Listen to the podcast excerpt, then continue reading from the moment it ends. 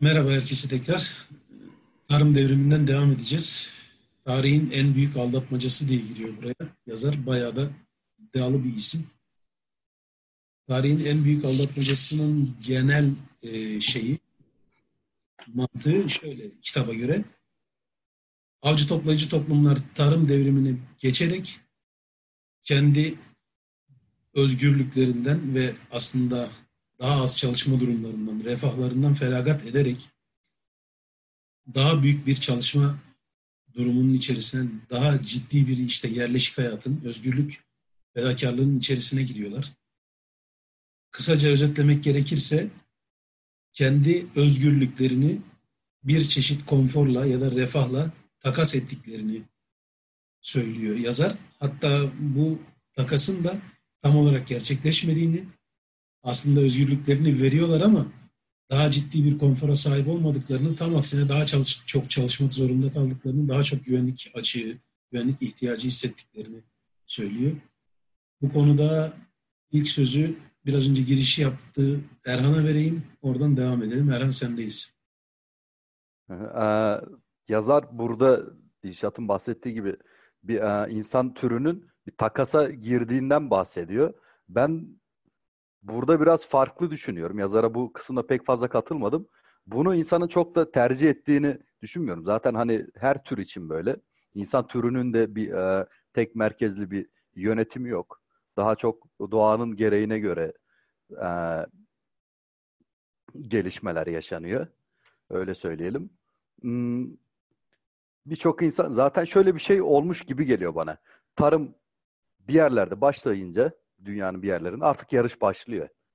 İstesen de istemesen de bu yarışın içerisine giriyorsun. Çünkü e, tarım devrimi ciddi bir değişim bir tür için. E, çok değişik bir organizasyon yapısına sahip olmaya başlıyor tür. Öyle olunca artık ya bir kere ordu kurmasının yolu açılıyor. Tarım devrimine geçtiği zaman yerleşik oluyor. Hani e, herhangi bir türde böyle ciddi bir yerleşiklik mülkiyete dayalı bir yerleşiklik yok. Yani diğer türler de yerleşik. Bazı türler çok yerleşik, yerli yerinde ama şartlara göre değiştirir. Çok fazla bunu umursamayabilir ama insan türü artık mülkiyete sahip olduktan sonra yer değiştireceği zaman arkasında ciddi bir yatırım bırakmış oluyor. Ciddi bir riskin içerisinde buluyor kendisini. Böyle olduğu için de bir yarış başlıyor. Konforsuz bir yarış başlıyor her kabilede zaman içerisinde belli ki bu yarışa ayak uydurmak durumunda kalmış. Yani insanlar bu konforsuzluğun, bu çalışma temposunun, özgürlüğün çok kısıtlı olduğu yaşam tarzının içerisinde buluyor kendini anlaşıldığı kadarıyla. O açıdan iddialı bir isim dedi Dilşat. Katılıyorum iddialı bir isim. Ama meramını anlatması bakımından da ilgi çekici ve güzel bir isim seçmiş bir aldatmaca gibi görünüyor gerçekten. Biz şunu hayal ediyoruz. Ee, seçme şansımız olsaydı tarım öncesi, tarih öncesi demiyorum, tarım öncesi bir çağda yaşamayı tercih eder miydik? Ya bugünkü çalışma tempomuzla ederdik, ben ederdim. Herkesin de bunu tercih edecek bir yanı vardır muhakkak. Her, hepimizin içinde bir tembel var. Hayat daha mı güzel olurdu? Onu hiç bilemem ama çok farklı olmuş orası kesin. Şu andaki yarıştan çok daha farklı bir yarış içerisinde. Hatta yarış da denemez. Çok bireysel bir e, survival çabası içerisindeyken çok daha organize bir mücadele içerisine girmiş insan. O bakımdan ilginç bir gelişme tarım devrimi. Şunu da merak ediyoruz. E, tamam şu anda iş işten geçti çok fazla güçlendik. Ama çok güçlenmemiş olsaydık mesela ya da e, çok da fazla güçlenmediğimiz, çok dominant hale gelmediğimiz ama bu e, yine de baskınlaşmaya başladığımız dönemlerde başka türler de acaba bunu başarabilir miydi? En azından primatlardan başka bir türde tarıma geçebilir miydi? Bu bizi gözlemleyip taklit edebilir miydi? Bunu da çok merak ediyorum. Hani hepimizin sevdiği hikayedir Yüzüklerin Efendisi. Tolkien bunu yapıp da ilgi çekiyor ya başka türler koyuyor insan gibi irade sahibi, güç sahibi, belirli değerlere sahip başka türler koyup ilginç bir işe girişiyor. Acaba insana böyle bir rakip olabilir miydi? Neden diğerleri tarım devrimini yapamadı? Neden sadece biz yaptık? O kadar iyi yaptık da çok mu ele geçirdik bu kavramı, bu gücü? Onu bilemiyorum. Kitapta zaten e, bu kadar geçmiş tarihten bir kavramı genelde kavramsal olarak açıklıyor. Ee, bazı yerlerde bilimsel diyeceğim. Eren bana katılmayacak. Evet çok da bilimsel değil ama bakış açısı bakımından en azından şey e, akademik bakmaya çalışmış diyebiliriz adam. E, tarım neden insana has kalıyor? Neden insan bunu beceriyor? E, nasıl ilerletiyor? Bunu bir sonraki aşamaya nasıl geçiriyor? Kendince bir yöntemsel olarak anlatmış diye düşünüyorum. Eren bu konuyla ilgili bir şeyler söylemek istiyor. Eren sendeyiz. Şimdi Erhan'ın dediği zihin e, egzersizi benim çok hoşuma gitti. Yani mesela düşünsene kaplanların yönettiği ve insanların böyle av hayvanı olarak safariye gelen kaplanlar Afrika'da kalan az sayıda insanı avlıyorlar bir şekilde falan. hani e, enteresan bir dünya olurdu açıkçası. Frontal lobun yani bilincin oluşmasını sağlayan beynin kısmının insanlar değil de başka bir hayvan tarafından geliştirilmiş olması fikri e, hoşuma gitti. Bunun üzerine biraz düşünüp aslında muhabbet etmek de lazım ama e, şey diyeceğim ben aslında tarım devriminin en önemli, günümüze de sirayet eden en önemli sonucu büyük mülk sahiplerini ve erki ortaya çıkarmış olması. Yani e, ilk başlardan böyle şehir devletleri, ondan sonra derebeylikler, ondan sonra krallıklar, şimdiki de ülkeler, daha ekseri cumhuriyetler olarak dünya yönetiliyor ama ben şunu merak ediyorum. Acaba insan hiyerarşiyi isteyen bir varlık mı? Yani yönetilmek arzusunda olan bir varlık mı? Ee, belki de bu yüzden tarım devriminin bence en önemli çıktısı biraz böyle şeydi. Ee, bir toplumlaşma hareketiydi. Ben bir topluluk olduğum zaman bizi kim yönetecek? Onu mu düşünüyorum öncelikle ve ben bizi yöneten kişilere neden bu kadar geniş yetkiler veriyorum? Onu da geçtim. Günümüzde ya da daha öncesinde insanların toplanıp isyan ederekten ya siz ne yapıyorsunuz ben de onlardan istiyorum. İşte mesela Osmanlı için düşünürsek sıradan bir vatandaş ben de cariye istiyorum arkadaşım senin annen baban padişahtı kraldı diye ya da Avrupa'da bir ülke. Niye hepsini sen alıyorsun demedi. Neden demiyor? Neden en güzel yemekleri hep siz yiyorsunuz biz çalışıyoruz demiyor. Hani insanoğlunun bu tip sahipleri aslında biraz daha beni şeye gönderiyor. Ee, topluluk içinde tıpkı doğayı doğadan gördüğümüz gibi kopyalıyoruz bazı şeyleri işte. Evet biz ben varım. Benim adım Eren. Ee, ve bir insan grubu içinde ben talip değilim yönetmeye. Ben neyim? Ben durayım. Hayatımı yaşayayım. O bahsettiği, Erhan bahsetmişti galiba, tembellik. Tembellik hakkımı kullanıyorum ve daha e, büyük gördüğümüz insanlara yönetilmeyi yönetme konusunda irademi devrediyorum ya da devretmeye zorlanıyorum artık. Bilemedim bu kadar mı? Söyleyeceklerim bundan ibaret. Teşekkür ederiz. Çağrı'nın söylemek istedikleri var. Çağrı sendeyiz.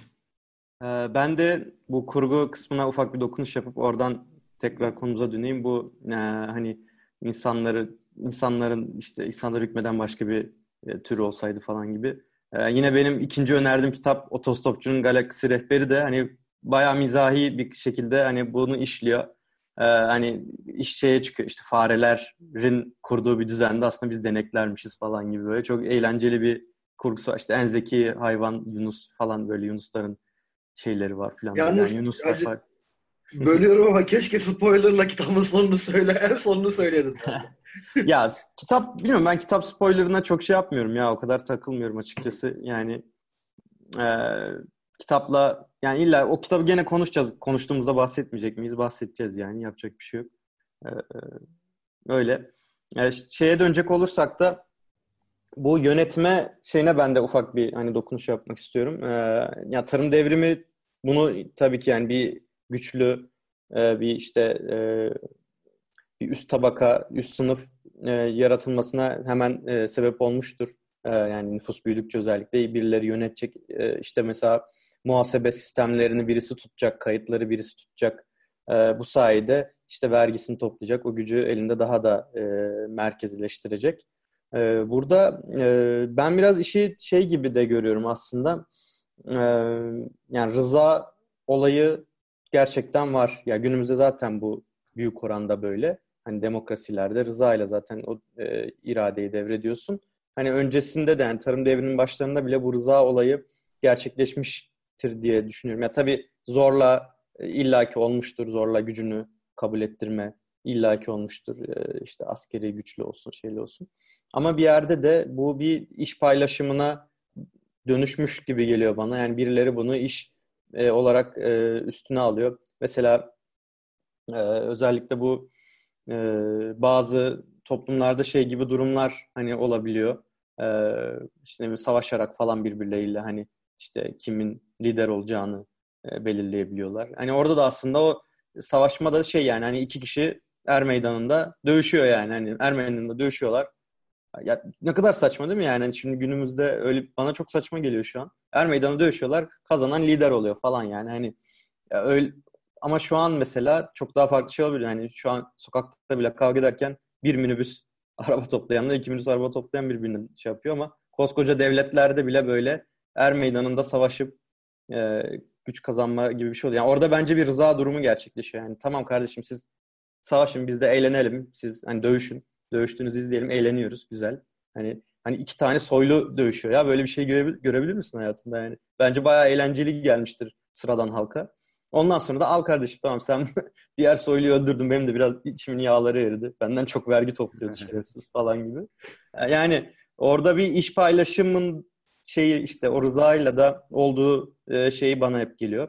E, o düşünce bende oluşuyor yani. İlla ki zor kullanımı, işte propaganda, birçok şey insanları bu rızaya getiriyor ama eninde sonunda rıza oluyor yani. Yoksa illaki şey düşüncesi gelir yani niye bu adam bu kadar işte şaşalı yaşıyor falan. Ha bir noktaya daha dokunmak istiyordum. Ee, o da şey yani yönetmek hakikaten aslında zor bir şeydi yani. Ee, özellikle de sorumluluğu senin üzerindeyse inanılmaz zor bir şey.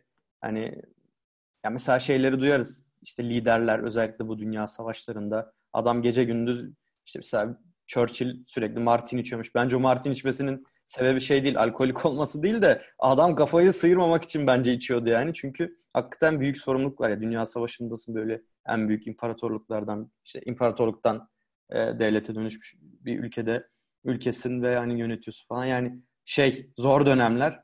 E, o açıdan yani şey yöneticiliğin de aslında sorumluluk sendeyse özellikle çok büyük bir insanda e, psikolojik yükü var. E, o açıdan da şey değil yani. E, herkesin de isteyebileceği bir şey değil. Teşekkür ederiz Çağrı. Tarım devriminde benim değinmek istediğim birkaç nokta daha var. bir öncesinde de bahsetmiştim. Nüfus baskısı. Tarım devrimine geçişle birlikte artan nüfus. Ee, yazarın kitapta bahsettiği DNA'nın kopyalanması evrimsel olarak işte türün başarısı neye göre ölçülür sorusu var. O da daha fazla DNA kopyası, nitelikten niceliğe kayış, işte daha fazla kopya üretmek öyle diyeyim yani genel olarak bu. Ee, burada şöyle bir şey açığa çıkıyor.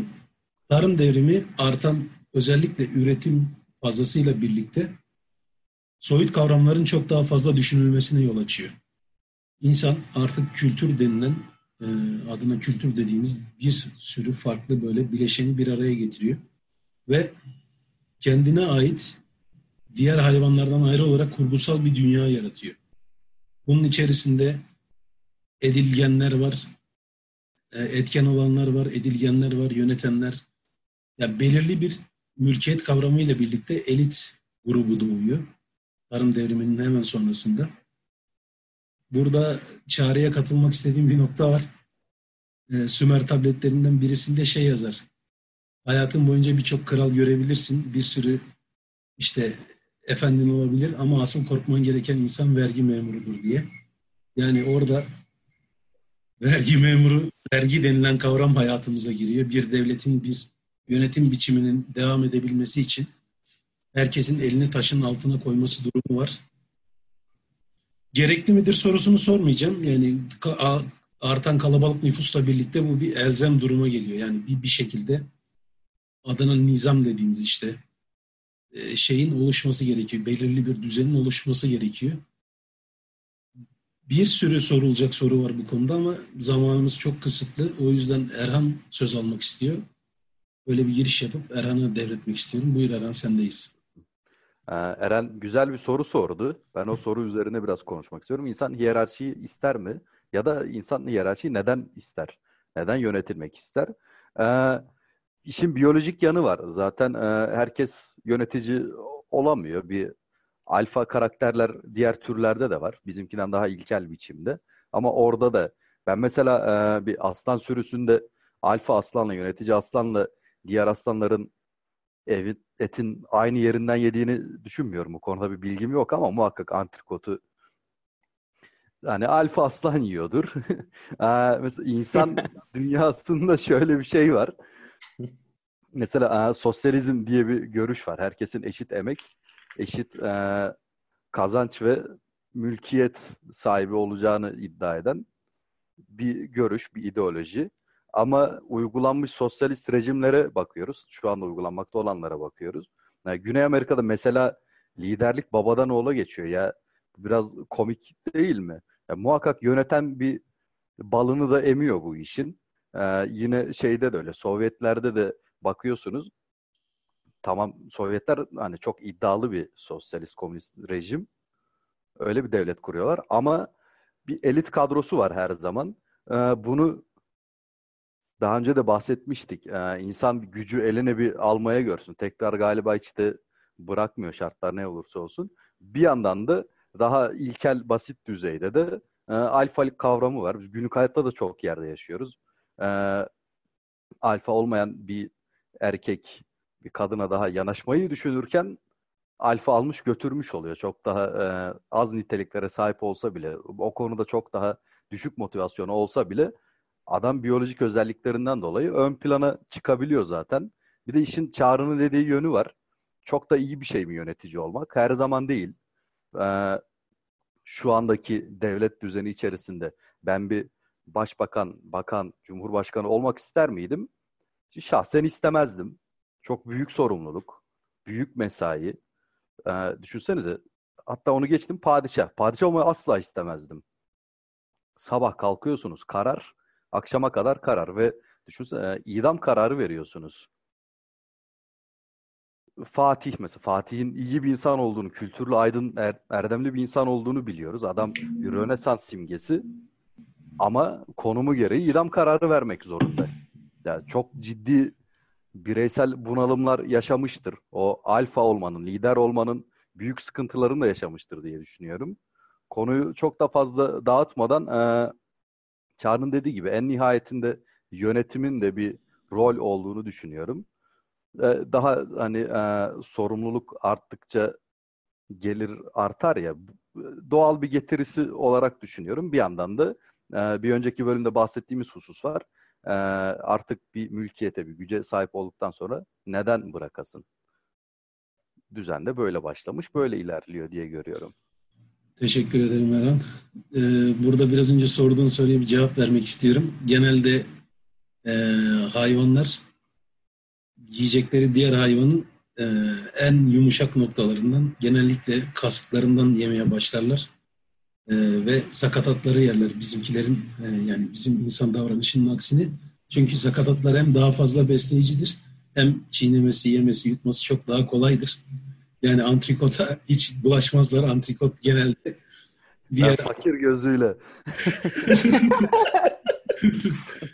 Gerideki daha küçük, daha aşağı seviyelerdeki şeylerin yiyeceği kırmızı kas dokusu daha az besleyicidir. Sakatatlar çok daha yüksek besleyicilik oranına sahiptir. O yüzden erkek aslan genelde mevzunun en yumuşak tarafına dalar. Billuru yer diyorsun. Yok tam olarak öyle değil. Genelde bağırsaklardan başlar. Burada benim notlarımda şöyle bir şey var. Ee, güzel bence bu bölümün en çarpıcı cümlelerinden birisi şuydu. Nesli tükenmek üzere olan bir yabani gergedanın yaşamı, kısacık hayatını küçük bir kafeste lezzetli bir biftek olmak üzere geçiren buz, buzağdan daha iyidir, daha yeğdir diyor. Tarım devrim, devrimiyle birlikte konuyu başka bir yere götürmek istiyorum şu an. Bizle birlikte aslında hayatı değişen başka canlılar da var. E, Sapiens'le birlikte onun evcilleştirildiği işte e, köpek, at, e, inek veya işte öküz her neyse, koyun, keçi ve bunların arasında Bay pirinç. Onları da sayabiliriz. en yakın evcilleştirildiğini bildiğimiz kedi var. İşte e, tarım devriminin aslında direkt evcilleştirilmesi tarım devrimiyle birlikte olması elzem olan yaratık kedi.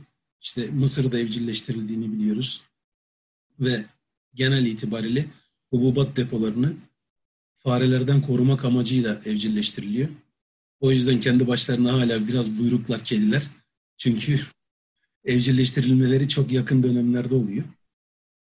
Ee, bu hayvanların ciddi bir refah kaybı söz konusu. Biz o hayvanları belirli noktalarda etrafını tellerle, çitlerle çevirerek e, hapsediyoruz bir şekilde. Yani bizle beraber onların da yaşamı değişiyor. Bitkilere henüz gelmedim. Aslında tarım devrimi başlatan şey bitkileri e, ıslah etmek. Onları belli bir aranda daha çok yaratmak.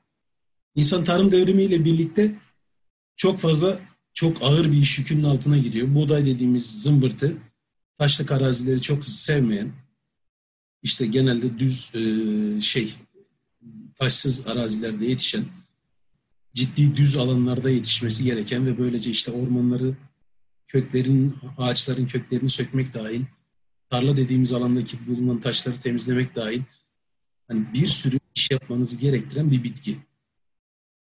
Bu bitki bizi toprağa bağlıyor. Kitabın iddia ettiğine göre şöyle bir durum var. İnsan bitkileri ya da hayvanları evcilleştirmedi. Özellikle buğday insanı evcilleştirdi diye bir olayın hani kitabın yazarın şeyi var, savı var. Bu konuda ne dersiniz? Ben de yazarı bu konuda kesinlikle haklı görüyorum. Erhan arkamdan da bir kedi geçiyor. Gayet de güzel görünüyor. Umarım o da seni evcilleştirmemiştir. Sen de. Erhan sendeyiz. Kedi o kadar tam da ben kedileri düşünürken geçti ki. Ee, şöyle bir şey var. hani kedilerde meşhur bir durum vardır. Eve alırsınız siz güya evcil hayvandır. Hatta bazı noktalarda size hizmet etmesi beklenir. Ama kedi evde kesinlikle krallığını ilan ediyor. Doğası bu. Ee, sen hizmetçi oluyorsun. Şöyle bir şey var. Türlerin geneli için e, buğday insanı kontrol altına almış diyebiliriz. İnekler için aynı şey geçerli. Ben e, mesela köpek türünün vakti zamanında tam daha evcilleşirken köpekler köpeği diktatör olsaydım diğer türdaşlarıma şunu söylerdim. Gelin insanın köpeği olalım. Evcilleşelim. Müthiş bir tercih. Hani bu bir strateji ise harika bir strateji. Evrimde ama genel olarak bir strateji söz konusu mu? Değil. Zaten hani rastlantısallık, rastlantısallık da değil. Ee, bir hani ırmak nasıl yeryüzünü şekline göre yolunu bulur ya seç, seçsin ya da seçmesin. Seçme söz konusu değildir. Hani ırmak o şekilde akar. En optimal yol vardır. Türlerde genel olarak optimal yolları seçiyorlar. Ama yine de bazı türlerin ki özellikle bizim evcilleştirdiklerimiz öyle görünüyor ki bir strateji varmışçasına ideal optimum yolları seçmiş görünüyorlar. Ben de buğdayların, köpeklerin, atlar için demiyorum. Atlar doğada da gayet güzel yaşıyorlar. Ama buğday, köpek, kedi, inek, koyun bunların liderleri olsaydım, tek karar vericisi olsaydım ben de insan tarafından evcilleştirilmeyi tercih ederdim. Çünkü hani vizyon sahibi türlermiş bunlar. Dünyayı ele geçirecek o türün yanında olmak çok akıllıca bir davranış. hani, aynen öyle. Hani şey Anadolu Parsı olup da Torosların 4000 üzerinde, 3000 üzerinde takılmak da vardı. Ama bu burada şöyle bir sorun ortaya çıkıyor Eren. Hani köpek için evet bu çok akıllı bir alışveriş olabilir ya da kedi için. Yani çok kolay beslenme karşılığında çok basit işlerle bu işleri hallediyor olabilirsin ama diğer saydığımız işte inek, koyun, keçi bunlar kasaplık hayvan olarak hayatlarını sürdürüyorlar. Genelde etlerinden, sütlerinden yararlanıyoruz ve çok e, şey konumdalar. Kötü durumdalar, edilgen konumdalar. E, kesiliyorlar. Dediğim biraz önce de okudum hani bir gergedan hayatını tamam türünün son örneği olsa bile hayatını özgürce yaşıyor. Ama bir buza kafes içerisinde belki hiç ayağı toprak görmedim. Ki İsrail'de e, kitapta yine geçiyor. Yahudi toprağına domuz ayağı bastırılmaz diye ama İsrail dünyanın en büyük domuz ihracatçılarından birisi Avrupa'ya sürekli domuz ihraç ediyor. Hiç ayakları normal toprak zemine basmıyor. İsrail'in tabanına hiç basmıyorlar. Altlarında başka bir şey var. Tabii bu kendini kandırmanın başka bir yoludur yani. İsrail'in içerisinde besliyorsun. Neymiş ayağı yere basmıyor. Oradan hayatları boyunca hiç toprağa basmayan hayvanlar Avrupa'ya ihraç ediliyor ve sonrasında kesiliyorlar, yeniliyorlar. Kasaplık hayvan muhabbetindeler. Sanki burada onların böyle alışverişi, takası çok işe yaramamış gibi görünüyor ama diğer türler için ben de söylediklerine katılıyorum. Köpeğin ve kedinin ciddi bir şeyi var, kazancı var buradan. Kazanımları çok yüksek. Ama iş şeye geldiğinde, ineklere, keçilere, koyunlara geldiğinde mevzu çok da öyle çalışmıyor. Sanırım Çağrı'nın söylemek istedikleri var bu konuyla ilgili. Çağrı sendeyiz. Ee, ben de aslında yani Erhan'ın senin söylediklerine e, katılıyorum büyük oranda. Ee, yani şey konusunda da hmm, yani aslında biz kendi türümüz, kendi insanlık olarak da e, kendi üyelerimize gerçekten zor hayatlar yaşattık. Ee, hani tarihin başlangıcından daha öncesinden bu yana. Ama e, eğer ki biz bu vizyonu şey seviyesinde tutacaksak gen havuzunun çoğaltılması hani bizle birlikte bu yola devam eden tüm canlılar e, şey durumda e, kazançlı durumda diye düşünebiliriz yani hani bireysel şeyleri düşünmeden yani inek de hatta tavuk bile yani tavuk mesela şu an e, bildiğim kadarıyla bu endüstri endüstriyel e, şeyde en çok e, zor koşullarda yani böyle hiç yürümeden etmeden böyle ayağa bile kalkamayan tavuklar ölüyor filan yani hemen kesiliyor. En zor durumda olan onlar. Ama onlar bile yani şu an nüfus olarak aşırı artmış durumdalar. Belki de türleri şey olacaktı yani e, kırıma uğrayacaktı. Bugünleri bulamayacaklardı.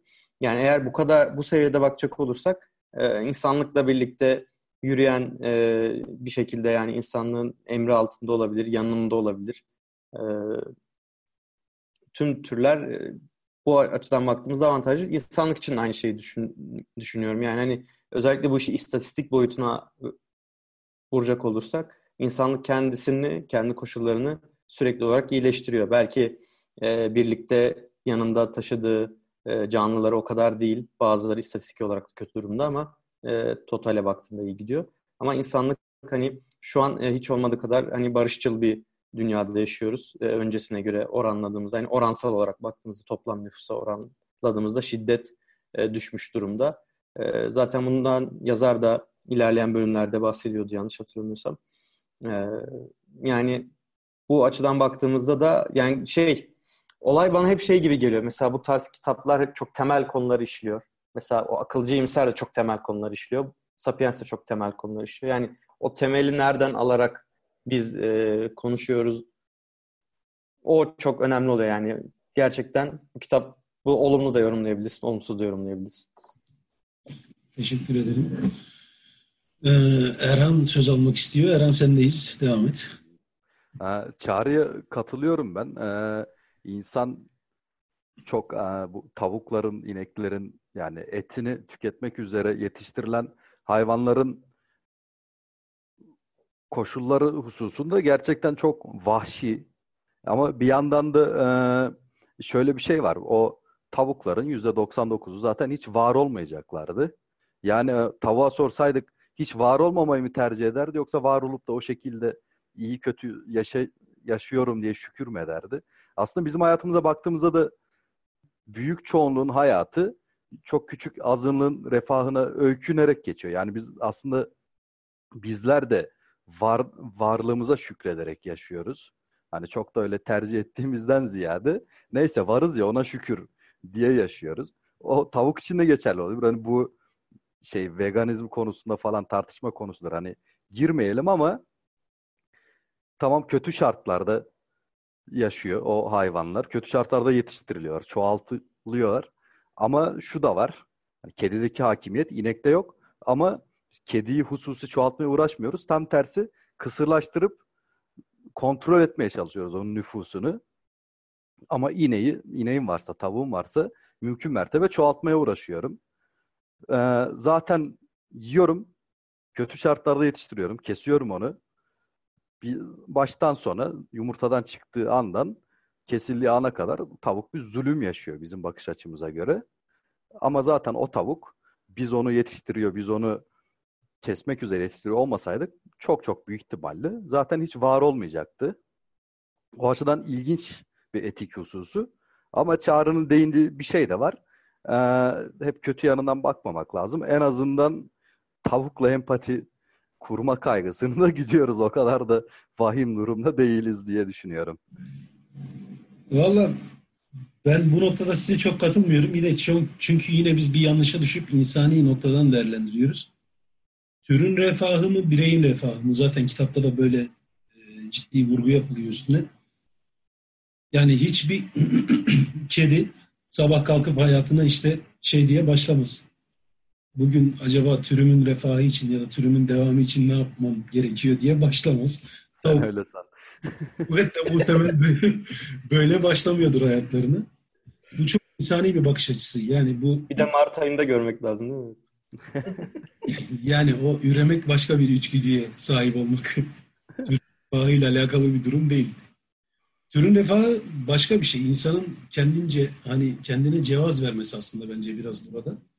Çünkü insani açıdan baktığımızda bizim değerlendirme noktamız, bazı noktamız nedir?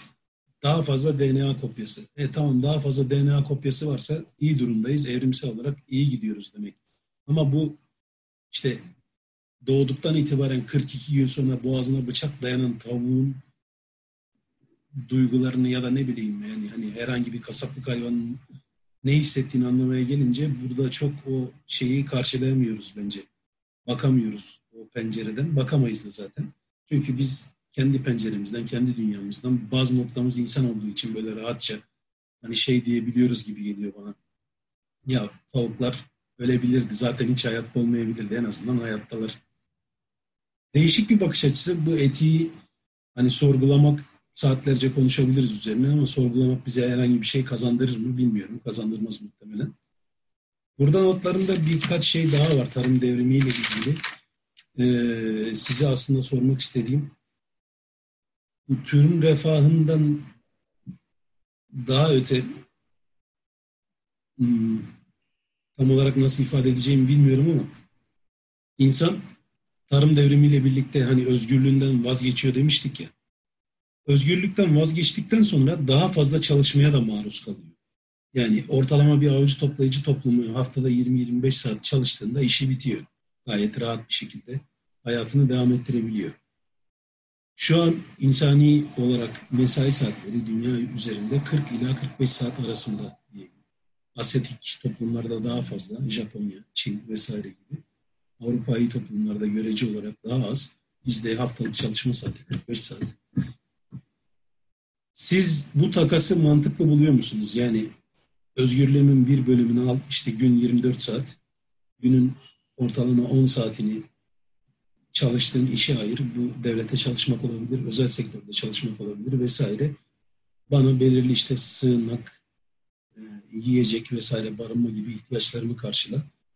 Sanırım bu konuyla ilgili Eren'in söyleyeceği bazı şeyler var. Eren sendeyiz. Merak ediyorum cevapları. Şimdi ben şöyle düşünüyorum. Biz ilk olarak özgürlüğümüzü tahıla karşı sattık.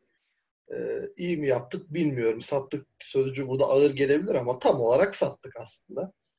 Ee, daha sonra e, kapitalizm oluştu ki bu başlı başına zaten o uzun muhabbetlerimizde e, sözü çokça geçen bir konu.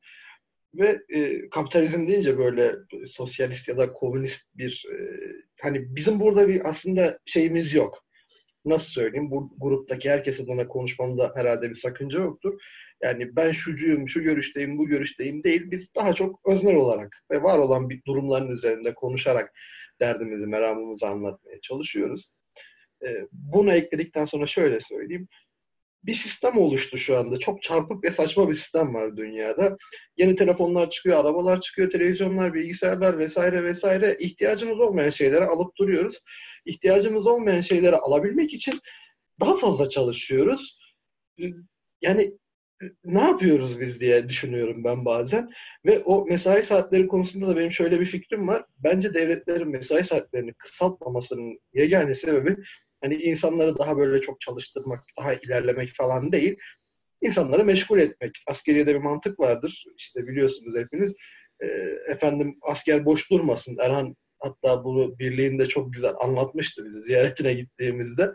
Yani koca bir alanı önce kazdırıp sonra geri doldurmuşlar. Hani neden? Çünkü bunu yapmasalar o askerler bir şey yapacak. Hepsinin elinde silah var, bilmem ne var vesaire. Yani artık birbirlerine ne yaparlar? O konuda ben yorum yapmak istemiyorum. Dövüşürler muhtemelen. Ee, ama buradaki esas gaye şu olmalıydı bence. Yani insanlık eğer benim e, hani ben burada bir ev sahibi büyük bir abi olsaydım şöyle düşünürdüm. Ya beyler e, bayanlar ya bayanlar demeyeyim beyler hanımlar toplanalım. Ya biz böyle yapmayalım. E, biz şöyle gidelim. Hani daha böyle hepimizin mutluluk odaklı bir sistemde yaşayacağımız bir dünya hayal edelim, tahayyül edelim. Ama sistem öyle işlemedi. Hepimizi bugün pazar, yarın herkes işe gidecek ve e, hepimizin yüzlerinden bu konunun bize nasıl hissettirdiğini az çok görebiliyorum. E, yani şu anda e, Dilşat sen söylüyordun galiba. Güney Amerikalı biri vardı. Mesai saatinin haftalık 11 saat olmasının yeterli olacağını iddia ediyordu. Kimdi o? Telekom firmasının mı sahibiydi? Yok. Ha, I hate Mondays. Bu arada Çağrı'nın tişörtü de güzel. Çok tesadüf Pazar, pazarları mı giyiyorsun onu? Pazar günlerine Ya. özel. Evet yani pazar günleri genelde giyiyorum kendi kendimce böyle şey yapmak için. Yani aslında pazartesileri çok sevmediğimden değil de ya işte giymemek için. işte giyince çok böyle istifa edeceğim ben gibi dolaşıyorsun yani. Bunu giyersen işte. O yüzden evde giyiyorum çoğunlukla. İşte Carlos o adam- Meksika Carlos- Telekom'un sahibiydi. Carlos Melo diye bir adam. Ee, 11 saat değil. Yani totalde haftalık 33 saatlik bir çalışma. 33 mü? Yanlış hatırlamışım. Ha. Ee, 33 saatlik bir periyodun yeterli olacağını düşünüyordu. Sonrasında işte işçilerine hani bir şekilde özgürlük veriyordu. Şey, e, şöyle bağlayayım. E, E- Erhan'ın dediğiyle bağlayayım. Hani öykünüyoruz demiştin Erhan. Böyle büyük gördüğümüz insanların hayatlarına öykünüyoruz. Lüks içinde yaşamaya. İşte yani daha güzel arabalara sahip olmaya, sürekli tatil kafasıyla gezmeye falan. Hepimizin derinlerde yatan arzularında böyle istifa etmek var. Yani bir gün istifa etme hayaliyle her gün işe gidiyoruz. Böyle bir saçmalığın içindeyiz. Ha, bunun suçlusu ta zamanında bundan binlerce yani milattan önce 8000 9000 civarında gerçekleştiği düşünülüyor tarım devriminin. Yani e, 10 bin yıl önceki atalarımızın hatası mı? Hayır değil. Biz de kolaycılık yapıyoruz. Yine tembellik hakkımızı kullanıyoruz ve analarımızın, babalarımızın ya da atalarımızın gittiği yoldan devam ediyoruz. Kimisi sırtını devlete yaslıyor, kimisi bir tık daha böyle cesur davranıp özel sektöre giriyor ya da kendi şirketini kuranlar var ama herkes çalışıyor. Ancak böyle belli bir birikim sağlayan insanlar belli bir yaştan sonra belki bir Ege kasabasına yerleşip efendim hayvan bakayım, ne bileyim işte topraktan bir şeyler yetiştireyim falan filan kafasına giriyorlar ama onlar da dayanamıyor. Ya işte STK'lara katılıyorlar ya da ne bileyim kendi kendilerine dünyayı daha güzel bir yer yapmaya çalışıyorlar. Siyasete giriyorlar falan. Bence bunların hepsi gereksiz. Benim elimde olsa şimdi iş yerindeki yaşça büyük abilerle muhabbet ediyoruz. Onlar emekli olmak istemiyorlar sıkılırız diye. Ben de diyorum ki yani yarın emekli etseler yarın emekli olurum. Yani hani çünkü daha güzel ya. Gökyüzü diye bir şey var ve ona bakarak yatabilirsin gün boyunca. en azından benim fikrim bu yönde. Güzel. Tembellik öykünmelerin için teşekkür ederiz. Biliyorsunuz beni az çok. Erhan'ın bu konuda söylemek istedikleri var. Erhan sendeyiz.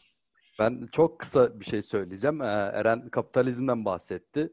Sonra e, hani e, bizim herhangi bir yerde durduğumuzdan değil, kapitalizm genel olarak ilginç ve insanı genel itibariyle tüm bireyleri şikayete sürükleyen, çok çok küçük bir azınlığın keyfini çattığı bir düzen.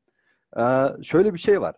Hepimiz ama hepimiz hangi görüşten olursak olalım, herkes bu e, kapitalizmden sonra kapitalizmden bahsederken muhakkak şunu yapar. Şikayetçidir. Bu nasıl düzen? Kölesiz ama e, genel olarak yaşantımıza baktığımızda da %99,9 kapitalizme hizmet ederiz.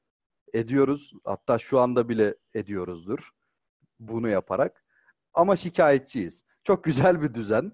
Yani eğer birileri bunu bilerek kurduysa onları çok tebrik etmek istiyorum. Çok güzel kurmuşlar. hem şikayet edelim hem hizmet edelim. Muhteşem. Yine Eren'in dediği şey var.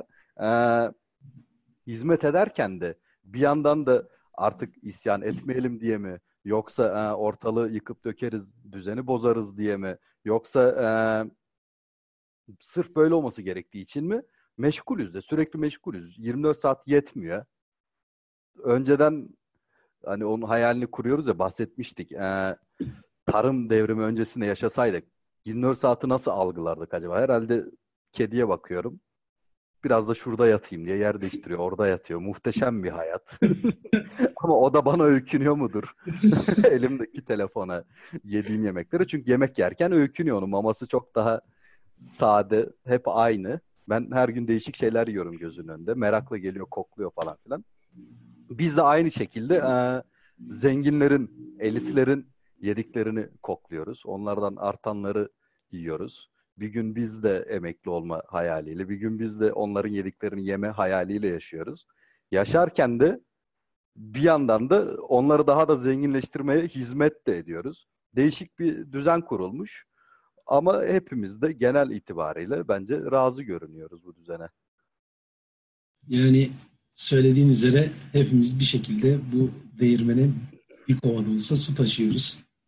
Değişik güzel bir bakış açısı. Çağrı'nın da konuyla ilgili söylemek istedikleri var galiba. Çağrı sendeyiz. Evet, e, yani ben de bu e, aslında insanın bir dinlenme, işte e, tembellik yapma arzusu her zaman var. Sıkıcı işlerle uğraşabiliyoruz. Yani kendimizi zaten böyle işte ofislere kapadık. Yok işte tarım devrimiyle başlayan aslında tabii belimiz bükülerek işte yani zamanda öküz bulmadığında kendin sırtlamışsın, bellemişsin işte yani ağaçların kökünü sökmüşsün, otları yolmuşsun falan. Ta o zamandan bu yana sürekli bir yoğun çalışma içindeyiz. E, ben de onunla ilgili bir hani enteresan bir anekdot e, vermek istedim. girişimcilikle hani yakından ilgileniyorum. Giriş, girişimcilerle de sık görüşüyorum. Yani zaten çalıştığım şirket de bir startup şu an. yani girişimcilerin bir kısmında mesela şöyle bir şey oluyor. Yaklaşım oluyor. ben hani bu şirketi büyüteyim, satayım yani böyle e, erken emekli olayım bir şekilde. Yani bu düşüncede olan girişimciler oluyor. Ya ben yani bunu aklım hayalim almıyor ya. Yani mesela şöyle bir hedef oluyor. Ben bu şirketi 5-10 senede satsam işte 35-40 yaşında e, kendimi emekli ederim diyor. Ve o kadar yoğun çalışıyor ki yani böyle ya sen zaten o kadar çalışırken 60 yaşında bir insana dönüşüyorsun neredeyse. Yani saçların ağrıyor. Böyle bir sürü insanın e, şey yapıyorsun kendi işte ailenin çevreni belki önemsemiyorsun, bir sürü insanı üzüyorsun falan yani hani böyle çırp, çırpınıyorsun yani resmen. E, ne yani 40 yaşında emekli olacaksın. Yani bu gerçekten enteresan. Hani e, ben de hani şahsi olarak öyle olmasındansa yarım gün çalışmayı tercih ederim yani. Şu anda mesela part time çalışmaya başladım. Haftada 3 gün çalışıyorum. Hani bu beni çok daha memnun etti. Yani 5 gün çalışmaktansa 3 gün. Hani kalan zamanlarda da aslında şey değilim. Hani e, Eren'in hani verdiği örnekle hani dışarı çıkıp göğe bakmıyorum ama ya başka bir şeylerle uğraşıyorum. Hani benim de o biraz hani e, işte ne bileyim bana direkt gelir getirmeyecek ama insanlarla konuşacağım şeylerle uğraşıyorum. Hani e, bir şekilde farklı bir tatmin e, yoluna gittim yani. Manevi olabilir bu. İleriye dönük belki bir şeyler olabilir. Hani e, insan sürekli bir arayışta oluyor hakikaten ve çoğu zaman da razıyız yani. Razı olmadığın zaman kendine bir alternatif üretmek çok da zor değil aslında. E, yani ne bileyim bir mahallede bir araya gelip bir atölye bir şey kurup bir şeyler üretip hani böyle herkes azar azar çalışıp bir şey üretip kendini geçindirebilirsin yani. Hani bunu yap ya biz kolektif hani diyoruz ya kolektif olarak çalışıp değer üretebilen bir varlığız yani canlıyız. Bunu e, küçük lokalde yapmak çok çok daha kolay olabilir ama yani biz ne yapıyoruz? Asansöre bindiğimizde komşuyla hani ya şu asansör daha hızlı olsaydı da bu adamla aynı yerde durmasaydım diye düşünürüz. Yani e, bazı şeyleri belki de globalde işte ya da ülke ya da maha, şey şehir seviyesinde değil direkt yani komşu seviyesinde çözmek e, insanı çok daha rahatlatabilir belki de. Teşekkür ederiz Çağrı. Burada söylemek istediğim bir şey daha var bu kapitalizme girdik madem. Ee, şimdi kapitalizmin standart böyle bir illüzyon algısı var. İhtiyacımız olmayan şeyleri ihtiyacımızmış gibi göstermesi bize. Kendi deneyimlerimden yola çıkarak söylüyorum ama insanlar bir şekilde para kazanmayı becerebiliyorlar. Para kazanmak aslında şu an bizim hayatımızın gerçek savaşıymış gibi görünse de kanımca değil. Tam aksine parayı doğru değerlendirmek ya da kazandığımız yani sattığımız zamanı biz zaman satarak para kazanıyoruz. Sattığımız zamanı doğru değerlendirmek, kazandığımız parayı ve doğru harcamak gibi bir e, şeyimiz var, misyonumuz var bence. Kötü yapıyoruz bu işi, parayı kazanabiliyoruz ama harcayamıyoruz, harcamayı beceremiyoruz. Burada da ciddi bir algı manipülasyonuna tabi tutulduğumuzu düşünüyorum. Sürekli reklam bombardımanları, sürekli üzerimize empoze edilen şeyler, hiç ihtiyacımız olmayan ama ihtiyacımızmış gibi bize gösterilen, ihtiyacımız gibi hissettirilen bir şekilde hani ikonik hale getirilen malzemeler var hayatımızda. Ne bileyim işte hepimizin kullandığı cep telefonları çok basit bir örnek olabilir buna. Sonuçta şu an 15 yıl öncesinin ya da 20 yıl öncesinin herhangi bir Ericsson'u, Ericsson telefonu çok basit bir şekilde bizim hayatımızı devam ettirmemize yetebilir. Ama bu yetmiyor. Akıllı telefonlar kullanmak çabası içerisine giriyoruz. Sürekli bunlara para yatırıyoruz. İhtiyacımız olmayan şeylere çok ciddi paralar harcıyoruz. Ve sonrasında hiç geri dönülemeyecek bir kısır döngünün içerisine giriyoruz. Hiç geri dönemiyoruz. Yani şu aldığı hakkı ya da e, kanıksadığı şeyleri bırakamayan, böyle ayağına pran gibi, pranga gibi bağlandığı kapitalizmin bir e, insan da demek istemiyorum, robot haline geliyoruz. Sürekli aynı şeyleri yapan, üç aşağı beş yukarı aynı şeyleri yiyen, aynı şeyleri giyen, aynı tipte insanlarla muhatap olan, böyle organik ama sanki böyle biyonik gibi hareket eden, bir robot gibi hareket eden yaratıklara dönüşüyoruz. Bunun üzerine de biraz konuşmak istiyorum. Yani sizce aldığımız, satın aldığımız ya da ihtiyaç duyduğumuzu düşündüğümüz her şey gerçekten bizim ihtiyacımız mı? Bizim istediğimiz şeyler mi yoksa onları istememiz için bir şekilde böyle bize ciddi bir baskı mı var? Bu konu üzerine biraz konuşmak istiyorum. Eren söz almak istiyor. Eren sen neyiz hacı? Ee, şimdi şöyle gireyim ben de o zaman. İhtiyaçlarımızı biz mi belirliyoruz yoksa medya patronları mı belirliyor ya da dizileri çeken insanlar mı belirliyor? Ya da en azından reklamları tasarlayanlar mı? Ürünleri Türkiye'ye, bizim yaşadığımız ülke için söylüyorum, ithal edenler mi? Yani adam, yani mesela şöyle diyeyim, arabalardan girelim mevzuya. Ee, şey arabalar Türkiye'de, yani Toyota'nın bazı modelleri yok. Örneğin Ford'un bazı modelleri yok. Bunu kim belirledi? Yani hangi akla hizmet bu seçildi? Adamlar diyor ki bu modeller var sonra onun reklamlarını yapıyorlar. Ondan sonra biz bir bakıyoruz ki bu bize lazım. Aslında araba bize lazım mı? Aslında lazım olabilir, doğrudur. Ama neden sürekli yeni modelini almak zorundayız? Neden telefonun yeni megapikselli ya da daha çok e, efendim e, özellikleri olan kısmını almak zorundayız. Ben şahsen akıllı telefonlarda ya da bilgisayarlarda, teknolojik aletlerde özellikle o alet ölene kadar kullanmak taraftarıyım ve öyle de yapıyorum hayatımda. Şu andaki telefonum 4 yıllık. Umarım bir 4 yıl daha kullanırım. Zannetmiyorum ama e, ben aslında konuya başka bir yerden girmek istiyorum tarım devrimi konusuna. Akrabalık ilişkileri avcı toplayıcılarda ben akrabalığın herhangi bir şekilde bir önem arz ettiğini fazlaca düşünmüyorum en azından. Yani muhtemelen insanlar yine doğadan kopya çekti. İşte nasıl bir aslan yavrusuna avlanmayı öğrettikten sonra yavru belli bir yaşa gelince sürüden kovuyor. İnsan topluluklarında muhtemelen Sapiens'te en azından belli bir yaşa geldikten sonra e, kendi özgürlüğüne kavuşuyordu.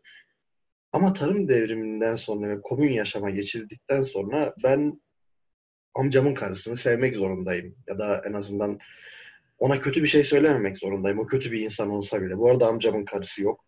Ee, sadece hani örnek olarak söylüyorum. Ben neden tanımadığım, kan bağı olmayan ya da hoşlanmadığım akrabalarımı sırf akrabam olduğu için sevmek zorundayım. Bunu söylediğinde insanlar bana gülüyor ama ben insanların çoğunun ayrı zamanlarda bundan şikayetçi olduğunu da gördüm. Yani halasından, dayısından, teyzesinden nefret eden insanlar. Onlar geldiğinde evden kaçanlar.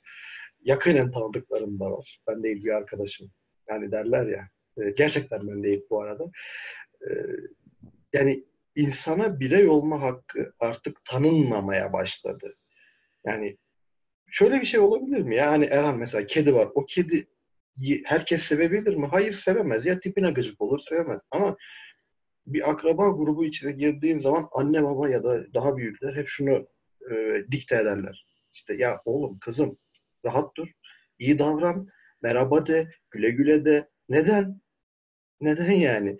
Ben sevmiyorum o insanı mesela. Demek zorunda değilim o zaman. Onu tokalaşmak, elini öpmek, bayramını kutlamak tamam. Hani bunlar toplumsal dinamikler içinde ilişkileri iyi tutmanın ya da daha sıkı bağlarla e, bir şekilde hayatı sürdürmenin, idame etmenin yolu olabilir ama bence ziyadesiyle gereksiz. Tıpkı kapitalizmin e, insanlara metayı dayatması gibi devletler de insana aileyi day- dayatıyor. Yani ailenize sahip çıkın. Çıkalım.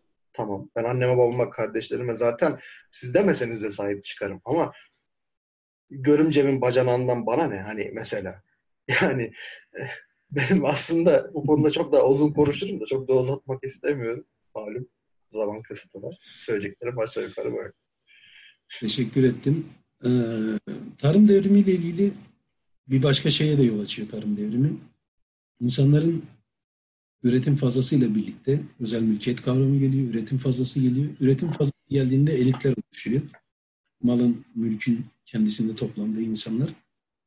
Ve bu insanlar da bir şeyi yapmanın zamanı kalıyor. Çok basit bir şey ama hayatımızı değiştiren o da düşünmek zamanı. Bu felsefeye, sanata, işte kültürün geliştirilmesine vesaire yol açıyor. Bizim bildiğimiz antik çağ filozoflarının birçoğu e, üretim fazlasından dolayı hani babaları veya ataları soylu olan, zengin olan genelde tipler ve birileri emekle uğraşırken diğerleri düşünebiliyor. Rahatça bir sürü farklı aktiviteyi yerine getirebiliyor. En önemlisi düşünmek bence bunların. Yani tarım devrimi evet bize kaybettirdiği bir sürü şey olması bir tarafta dururken diğer tarafta da bize felsefe yapabilmenin, düşünebilmenin, e, kültürümüzü geliştirebilmenin yolunu açıyor. Bu konuda söylemek istediğiniz ne var? Yani burası benim ilgimi çekiyor. Tarım devrimi bu noktası. Bu sözü de Erhan'a vereyim. Erhan sendeyiz. Ee, bunun şöyle bir durum oldu kanaatindeyim ben. Ee, kültürü, sanatı senin sorunu ben de hani bir parafraz etmiş olayım. Kültürü, sanatı neden önemseriz? Neden geliştirmeye uğraşırız? Çünkü sonuçta e, direkt olarak somut katkıları olmayan şeyler hayatımıza. Ama e, sanırım şey insanın o sofistike bakış açısına sahip olması için sahip olması gereken kavramlar, geliştirmesi gereken kavramlar gibi duruyor. Çünkü e, insan kendini öyle bir cendereye sokmuş ki sürekli geliştirmek, yenilikler yani sadece teknoloji için değil, bakış açısını sürekli geliştirmek, kendini ilerletmek zorunda. Bakıyorsunuz dünyaya e, CERN'de özellikle mesela hani bunun şeyi tap noktasıdır diye görülür her zaman soyut kavramlar için çok çok büyük paralar harcanıyor. Soyut sorulara cevap bulmak için. Ee, bulacağız da ne olacak? Karnımız mı doyacak? O sorulara cevap bulduğumuz zaman. Ya da e, birçok insan filozof, sosyolog olarak karnını doyuruyor. Ee, neden bu meslekler var? Neden bu insanlar da e, emeklerini o yönde harcıyorlar? Onlar da yani domates ekse daha iyi olmaz mıydı? Sanırım genel olarak bizim bu kültürel gelişime tür olarak ihtiyacımız var. Öyle duruyor. Hmm, ben az önceki konuyla alakalı da kısaca bir şey söylemek istiyorum. Bahsi gelmişken bizim şu, kapitalizm ve ihtiyaçlar konusunda sizin de dikkatinizi çekmiştir. Ramazan aylarında hani Ramazan bizim için manevi, kültürel, özel bir ay. En güzel Ramazan reklamları, içimize en çok ısıtanları Coca-Cola çekiyor. İftar sofralarının vazgeçilmezi Coca-Cola. Çok ironik değil mi? en güzel onlar yapıyor. İftarda her şeyden vazgeçersiniz ama Coca-Cola muhakkak olur. Ha, şey çok isyankarsa Coca-Cola olmaz yerine Pepsi olur ama ilginç bir algıyı yaratmayı başarıyorlar. Ona benzer Dilşat'ın verdiği örnek var. Cep telefonu örneği. Önceden bundan çok da önceden değil 15-20 sene önce cep telefonunun en muhteşem özelliği hatta fiyatları da ona göre sıralanıyordu. Küçüklüğüydü. Çünkü cebimize sığması lazım bu telefon denen kavramın, aletin. Ya internet yaygınlaştı. Yani mobil telefonlarda internet kullanabilme imkanı gelişti. İhtiyaç değişti birdenbire. Ee, artık büyük olması daha önemli hale geldi. Çünkü internetin nimetlerini büyük ekranlı telefonlarda daha rahat kullanıyoruz. Hafızası, batarya gücü ona göre gelişiyor falan. İyi de cep aynı duruyor. Cep yine küçük. Cep değişmedi ona paralel olarak. ya ilginç biçimde bazı ihtiyaçlar halen kalmasına rağmen garip bir artık buna yarış mı dersiniz, işin doğal akışı mı dersiniz? ihtiyaç orada dururken yine de yeni bir ihtiyaç öyle bir onun yerine konuyor ki birdenbire o eski ihtiyaç yok oluyor. Artık bu şimdi hangimizin telefon küçüklüğü bir kriter? Ki yazları hepimizde o kocaman akıllı telefonu hangi cebimize koyacağımız konusunda erkek olarak sıkıntı yaşıyoruz. Short tişört dışarı çıkıp telefonu koyacak yer bulamıyoruz. İnsan bu konuda gelecekle ilgili de meraklara kapılıyor. Acaba e, gelecekte şu anda müthiş ihtiyaç dediğimiz neleri hiç hatırlamayacağız bile ihtiyaç olarak. Siz ne dersiniz bilmem. Bana bu konu ilginç geliyor. Garip bir şekilde e, İşat'ın dediği gibi robotik davranıyoruz. Pek de öyle ihtiyaçlarımıza göre ilerlemiyor işler. Hani bir şekilde bir e, bunu ben genel olarak da öyle düşünüyorum. Hani kapitalizmden bahsettik. insanın kendini bu düzene sokuşundan, bunu neden değiştirmek istemeyişinden, razı oluşundan bahsetmiştik. sanırım bir hani ırmağın içerisindeki su molekülü gibiyiz. Yani e, sonuçta o ırmağın doğduğu yer belli, akacağı, döküleceği yer belli. Biz bir molekül ne yapabilir ki? Suysa ne yapabilir? Sadece ırmak içinde dur biraz soldan akayım, dur azıcık daha sağdan dipten akayım deriz de ne değişecek ki? İnsan biraz da böyle düşünmeye itiliyor. Hele bu kitapta insanda e, okuduktan sonra öyle bir hissi uyandırıyor. Pek de kontrolümüzde olmayan bir hayatı yaşadığımız hissine kapılıyoruz. Teşekkür ettim. Eren'in e, söz istediğini görüyorum da Eren'den hemen önce yine onun söylediği bireysel özgürlüklerle ilgili bir şey söyleyeceğim. Konuyu biraz da oraya doğru götürmek istiyorum. Yani 1776 için şu özgürlük e, kavramı Amerika'daki yayınlanan insan hakları bildirgesi biti bir çeşit şey ortaya çıkardı işte. E, devletin çok istisnai bir durum olmadıkça kişinin mülkiyet hakkında herhangi bir mülkiyetine dokunmaması gerektiğini Amerikan tipi ya da Batı tipi özgürlük kavramı diye daha çok bireysel özgürlükleri yücelten, onu övgüleyen Liberalizm. Yani bir çeşit evet devlet bana dokunmasın ben devlete dokunmayayım sadece belirli alışverişler yapalım mümkünse diyen. Ee, bu konuya biraz böyle değinmek istiyorum. Aynı zamanda da Eren'in söylemek istediği bazı şeyler vardı. Eren söyleyeceklerinden sonra özgürlük konusuna geçelim. Söz sende. Ee, şimdi ben öncelikle sanat konusuna girmek istiyorum. Hani avcı toplayıcıyken de evet sanat vardı ama tarım dev, yani avcı toplayıcıların sanatının ne olduğunu biliyoruz. İşte adam gitmiş hayvanları çizmiş ya da kadın e, efendim neyi avlıyorsa onu göstermiş vesaire vesaire. Ama tarım devriminden sonra sanat yalan olmaya başlamış. Yani insanlar olduklarından çok olmak istedikleri kişiyi ya da olayları anlatmaya başlamışlar. Ee, şimdi mesela sinemayı izliyoruz ya da dizileri, televizyonları bu bir sanattır. Bakı, baktığınız zaman e, birileri gibi davranan başka birilerinin yani aktörlerin ya da aktrislerin yaptıklarını izliyoruz. Tamamen yalan. Ondan sonra resimdeki akımlara bakarsanız resmin yani düz realizm, dümdüz realizm haricindeki tüm dalları yalandan ibaret. Hikaye zaten %90'ı ya da 99 edebiyatın yalan, kurgu yani. Demek ki tarım devriminden sonra insanlara bir şeyler oldu. Bir yalan söyleme ihtiyacı hissetmeye başladık ve diğer e, sanatçının hitap ettiği kitle de o yalancıları e, yalancılara teveccüh göstermeye başladı. Yani aslında bizim bu şikayetçi olduğumuz konular ta eski zamanlardan belki Gılgamış destanından beri ya da Alper Tunga öldü müden beri hani bir kısım yalanlardan ibaret. e, bu şeye gelirsek e, tekrardan kapitalizme gelirsek kapitalizm artık insana bir ihtiyacı olduğunu özel hissettirerek yapıyor, aldırıyor. Yani nasıl? Mesela iPhone adı bile hani benim telefonum gibi çevirebiliriz ya da hani hiç aslında demek istediği şey o. Ya da hatırlarsınız bir ara bir Converse furyası vardı. Herkes Converse alıyordu. Ayakkabı rahatsız, bez, su alıyor, çirkin. Ama Converse olan herkes kendini özel hissediyor. Abi tamam da hepiniz de var. Yani şimdi iki tane Converse yan yana gelince ben baktığım zaman şimdi sen de özelsin, sen de özelsin falan diye dalga geçiyordum. Yani aslında bana şey gibi geliyor. Yani hepimiz özeliz. Tüm insanlık özel. Hepimiz farklıyız. O yüzden hepimiz sıradanız. Yani normal ne demektir? Normal e, genel geçer demektir. E, herkes özelse bu o zaman hepimizin normal olduğu anlamına gelir. Hepimizin sıradan olduğu anlamına gelir. Bir de akıllı telefonlarla ilgili ben şunu söylemek istiyorum. E, bunu kız arkadaşıma bahsettiğimde de öyle güldük, eğlendik, biraz kızlar gibi yaptı ama akıllı telefonlar bizden insan olma hakkını alıyor, özleme hakkını alıyor. Artık kimseyi özleyemiyoruz.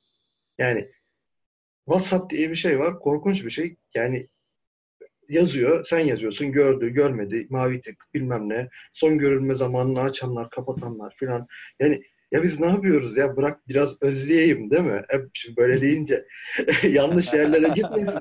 Ee, hani e, güzel eğlendik onunla da bunu konuşurken. Sen yine de bence bu sularda yüzme. Kaşınma. o, o biliyor zaten. O biliyor zaten. Herhangi bir sıkıntı yok. Konuş Eren. Şimdi yani tamam güzel teknoloji hayatı kolaylaştırıyor. Ben 700 kilometre, 600 kilometre ötedeki babama, annemi arayıp ne yapıyorsunuz, iyi misiniz falan filan diyebiliyorum ama yani bugün bir arkadaşım şikayet ediyordu beraber e, Erhan'la Age of oynamaya gittiğimizde. Arkadaş diyor ki ya 80 dakika konuştu benimle diyor. 80 dakika. Kız arkadaşından bahsediyor. Bir insanla diyor 80 dakika ne konuşabilirsin? Hani neyse ki kafam iyiydi yoksa normalde maksimum benim 30 dakika. 30 dakika dayanabiliyorum diyor. Hani e, isim vermiyorum şimdi arkadaşın ismini ama gerçekten bu çok mühim bence. Özlemek de biz mükellefiz. Yani insanlar artık sadece öldükleri zaman özleyebiliyoruz. Bence bu çok tehlikeli ve yanlış bir şey. Ve bizi şey yapıyor. Hani duygusal olarak dejenere etmeye başladı bu iyice, iyiden iyiye. Fazla samimiyet kurmaya başladık diğerleriyle ve bu fazla samimiyet artık hani e, ne denir? Çok muhabbet tez ayrılık getirir mi? Öyle bir söz vardı galiba. Ya insanların kişisel alanlarını artık daraltmaya başladı iyiden iyi. Dur sen sakin ol şampiyon. Oraya geleceğiz. Henüz orada değiliz. öyle mi? Görüyorum. Eren'e vereceğim sözü. Sonrasında senin durumuna geleceğiz. Bence sen de fazla bu sularda yüzme. Yok yok hiç sıkıntı yok. O biliyor zaten. Eren sendeyiz. Ee, Eren Eren'e teşekkür edeceğim. O kadar ufkumu açan güzel bir tespit yaptı ki e, insan bu tarım devrimiyle birlikte e, olanı tasvir etmekten olmayanı, olmak istediğini tasvir etme yoluna gitmiş. Bu çok güzel bir tespit. Hoşuma gitti. Daha önce hiç bu açıdan bakmamıştım. Hatta Eren sonraki söylediği birkaç şeyde de tam Eren bunu söyledi bana birkaç şeyi düşündürdü. Onları düşünürken onlardan da bahsetmiş oldu. Hepimiz e, özeliz ama hepimizin özel olması hepimizi sıradan yapıyor diye.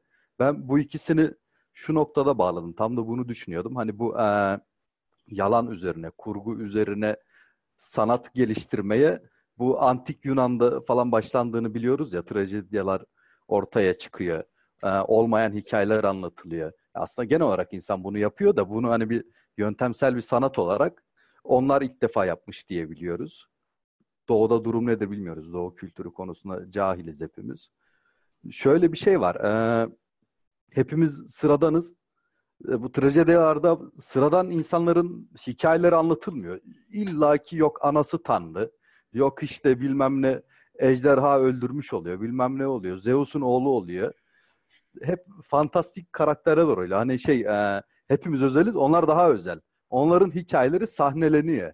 Yani bizimkiler, benim hayatımı ben de tabii ki hayatım roman bir film olacağını hissediyorum ama öyle bir şey yok. Hiçbirimizin hayatı roman ya da film olacak derdi değil. Çünkü hani benim babam Zeus da değil beni. Kim ne yapsın benim hikayemi? Çok fantastik. Düşük olasılıklı bir hayat yaşamadığım sürece çok cesur, fantastik tercihler yapmadığım ya da sıra dışı olaylara maruz kalmadığım sürece hiçbirimizin hayatı sahnelenmeye değer değil. Ama e, işte bu olmayanı kurgulama. Eren'in tekrar söyleyeceğim güzel ifade ettiği şey e, olmak isteneni kurgulama sanırım kapitalizmi de çok nefis biçimde beslemiş gibi duruyor. Çünkü e, işte reklamlarda hani zaten selebritiler kullanılır ya zaten benim olmadığım adam benim henüz almadığım tıraş köpüğüyle bir tıraş oluyor. Benim hiç olmayacağım yakışıklılığa erişiyor. Hani tamamen kurgu. Baştan aşağı kurgu. Teşekkür ederiz biz fakirleri. Bunu ayrıca gömdüğün için kendimizi gerçekten özel ve haddimizi bilir hissettik. yine de özel yine de özeliz ama. Yine de özeliz. Biraz yine de ben gideceğim köpük bitince gideceğim o Ronaldo'nun oldu tıraş köpüğünü ben de alacağım. Belki ben de onun gibi tıraş olursam. Kapitalizm böyle bir umudu sürekli beslediği için aslında biraz Yalnız sadece umutlarını bitirmek gibi olmasın ama olmaz o iş. Yani bir köpüğüyle o iş olmaz. Ben yine de paramı harcayacağım. Şansını denemek istiyor adam. Ee, şimdi bireysel özgürlükler konusunda söylemiştim. Bireysel özgürlükler işte bütün bunları toparladığımızda sizin söylediklerinizi aslında insan manipüle eden ne kadar bağımsız, ne kadar özgür o soru ortaya çıkıyor. Kapitalist dünyada çok da özgür olduğumuzu düşünmüyorum ben yani açıkçası. Algımızın ciddi şekilde manipüle edildiğini, hatta Erhan'ın sürekli söylediği hoş bir söz vardır, algı gerçektir diye. O böyle aklıma geliyor algımızın ciddi şekilde manipüle edildiğini, hiç ihtiyacımız olmayan şeylerin ihtiyacımızmış gibi bize dayatıldığını düşünüyorum. Donald Trump'ın Amerikan başkanı seçilmesinden hemen sonra Meksikalı bir çocuğun Twitter'da Trump hakkında yaptığı bir gözlem vardı. İşte yaklaşık 40 flutluk bir şeydi. Ee, totalde o 40 fluttan benim hatırladığım yani aklımda kalan şey şu. Batı dünyasının algı algısında diyor e, doğa yani elitler bizden daha yetenekli ve daha hünerli oldukları için bizden tırnak içinde daha zeki oldukları için o elitlik seviyesine bir şekilde erişirler. Yani daha çok para, daha çok mülkiyet kazanırlar ve bu bizim içten içe onlara öykünmemize sebep olur. Ve aynı zamanda onlara cevaz vermemize, onların yaptıklarını haklı bulmamıza, her ne kadar karşımızdaki kötü bir karakter olsa bile haklı bulmamıza sebep olur. Ben bireysel özgürlüklerden sonra biraz da buraya doğru geçmek istiyordum.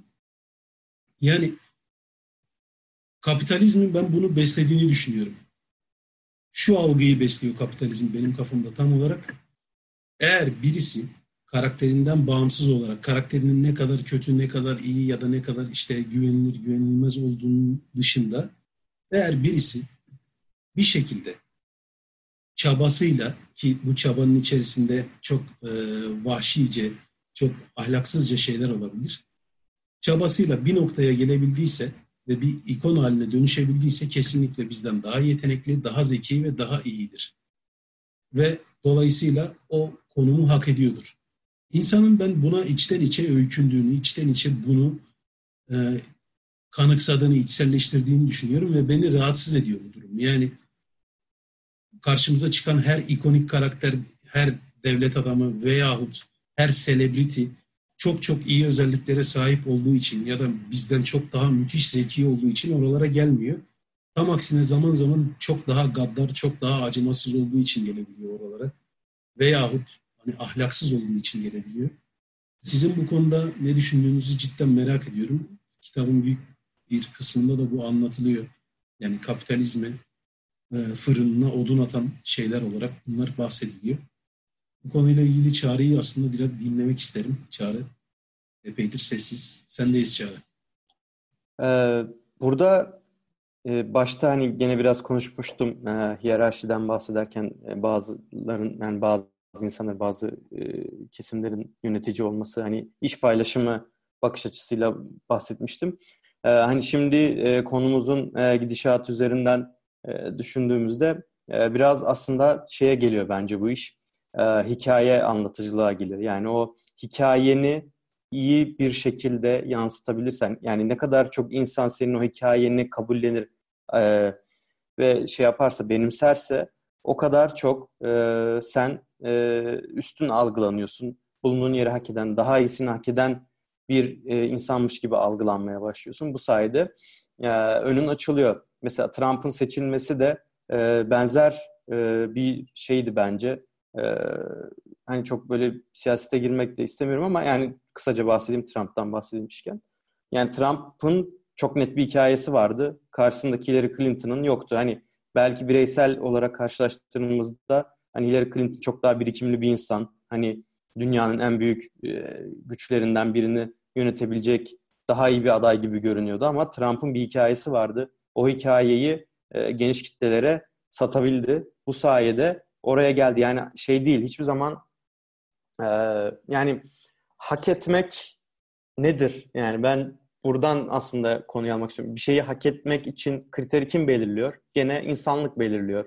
E, demek ki biz aslında bir konumu, bir mevkiyi hak eden insanı anlattığı hikaye ne kadar çok insada, insanda yankı bulduğuna göre belirliyoruz. Yani şey değil bu. Onun zekası değil, işte aldığı eğitim değil, şimdiye kadar yaptıkları değil, ahlakı değil, hiçbir değil. Hiçbir şey değil yani. O hikayeyi kaç kişiye satabiliyor? Bu. Güzel değişik bir bakış açısı. Ben de buna yakın şeyler düşünüyorum. Daha çok kişiye ulaşabilen, daha çok kişiyi kendi hikayesine inandırabilen bir şekilde üst noktalara doğru ilerliyor. Aynı zamanda insanın burada hani Yunan edebiyatında da vardır. Yunan'ın antik Yunan'ın en önemli özelliklerinden biri Yunanlılar yalan söyler. Yani dolayısıyla bütün Yunanlılar derken insanlar yalan söyler. Ve yalanı iyi kullanmak, doğru manipülasyon yapmak bizi çok daha yüksek seviyelere, yüksek noktalara, çok daha refah e, sahibi bir konuma getirebilir. Seninle paralel düşünüyorum bu konuda. Hikayesini daha iyi satan, hikayesi her ne kadar berbat bile olsa e, daha iyi noktalara götürüyor kendini. Eren'in sanırım bu konuda söylemek istedikleri var. Eren sendeyiz. Ee, ben bu konuda şunu söylemek istiyorum. Cem Uzan. Ben bu konuda Cem Uzan demek istiyorum. Yani adam Türkiye'de 30 milyon seçmen varken şimdi baktım 2 milyon 285 bin oy almış.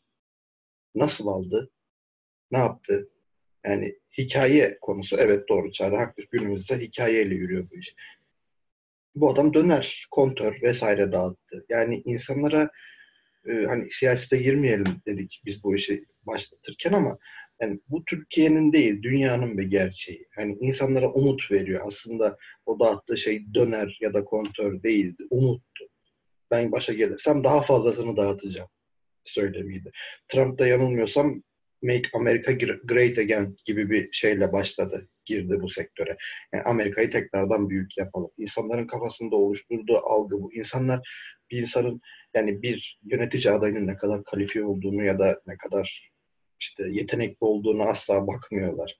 Bu bir süreç şeklinde gidiyor. Yani bazen geliyor bir tane e, dünyanın devletlerine bakarsak bir tane otobüs şoförü işte Venezuela örneğindeki gibi başkan oluyor. Ülkeyi kırıma götürüyor neredeyse ama buna oy veren çok sayıda insan var. Yani dünyada bu tarz şeyler her zaman oluyor, olacak. Ee, konu bence burada şey değil. ee, yani bir toplumun liderinin o toplumdaki en yetkin insan olması değil. Bana kalsa bu ülkenin lideri İlber Ortaylı olsun ya da Aziz Sancar olsun. Ama işte bunlar da bilim adamı. Belki bunlar şimdikinden daha kötü yönetecek ki bu örneği e, Erdal'in önünde gördü bu millet. Yani adam çok iyi bir bilim adamı ama ülkeyi yeterince iyi yönetemedi. Çünkü bu başka özellikler istiyor. Belki e, bahsedildi. Yani gaddarlık istiyor. Adamın idam kararı vermesi gerekiyor. Çağrı'nın dediği gibi ya da e, bir toplumsal olaya şiddetli müdahale etmesi gerekiyor. Ama ee, burada esas olan bence toplumu optimum yönetecek insanı seçmek. Bunda da dünya devletleri genelde başarılı değil zaten. O yüzden de dünya benim hiçbir şekilde anlamadığım bir yönde savaşa doğru gidiyor mütemadiyen. Yani bir toprağı aldın, bir toprağa verdin, bir kaynağı aldın, bir kaynağı verdin. Ne olacak sonuçta hepimiz öleceğiz yani. Ki ben bunu da çok seviyorum. Yani e, herkesin ölecek olması benim çok hoşuma gidiyor. Çünkü insanların ölümsüz olduğu bir dünya resmen çok büyük bir cehenneme evrilirdi muhtemelen. Gücü bir kere alan asla bırakmazdı ve ne olacağını kimse öngöremezdi bile diye düşünüyorum. En azından. Teşekkür ederiz. Yavaş yavaş tarım devrimini bitirmek üzereyiz. Ee, burada birkaç kavram karşımıza çıkıyor. Tarım devrimiyle birlikte daha gelişmiş şehirler, daha gelişmiş e, sosyal yapılar ortaya çıkıyor. Sonrasında sizin dediğiniz işte yönetim erkleri ortaya çıkıyor. Belirli hanedanlıklar vesaireler. Yani yavaş yavaş insanlık o yavaş yavaş demeyeyim aslında çok da hızlı oluyor bu. Yavaş neye göre yavaş? Yani insanlığın tarım devriminden sonraki gelişimi aslında çok hızlı. Çoğu zaman da insan bu durumu ayakta uyduramıyor. Doğal olan ve doğal olmayan kavramları e, karşımıza çıkıyor. Kitapta 153. sayfada falan bahsediliyor. Yani kime göre, neye göre doğal, neye göre doğal değil. Ve buna işte kitapta yine Hristiyanlığa göre Tanrı'nın niyetiyle uyumlu diye bir e, şey seçiliyor. Yani doğal olan Tanrı'nın niyetiyle uyumlu olan Hristiyanlıktan alınma bir bakış açısı öyle diyeyim. Biz e, sizce neyi doğal kabul ediyoruz ya da neyi doğal kabul etmiyoruz? Bunun üzerine biraz konuşmak istiyorum. Erhan'ın da sanırım Eren'in söyledikleriyle ilgili söylemek istedikleri var. Erhan söz sende. Ee, Hristiyanlıktan örnek verdin. Ben de İslam'dan örnek vermiyorum. Doğal olan nedir, olmayan nedir?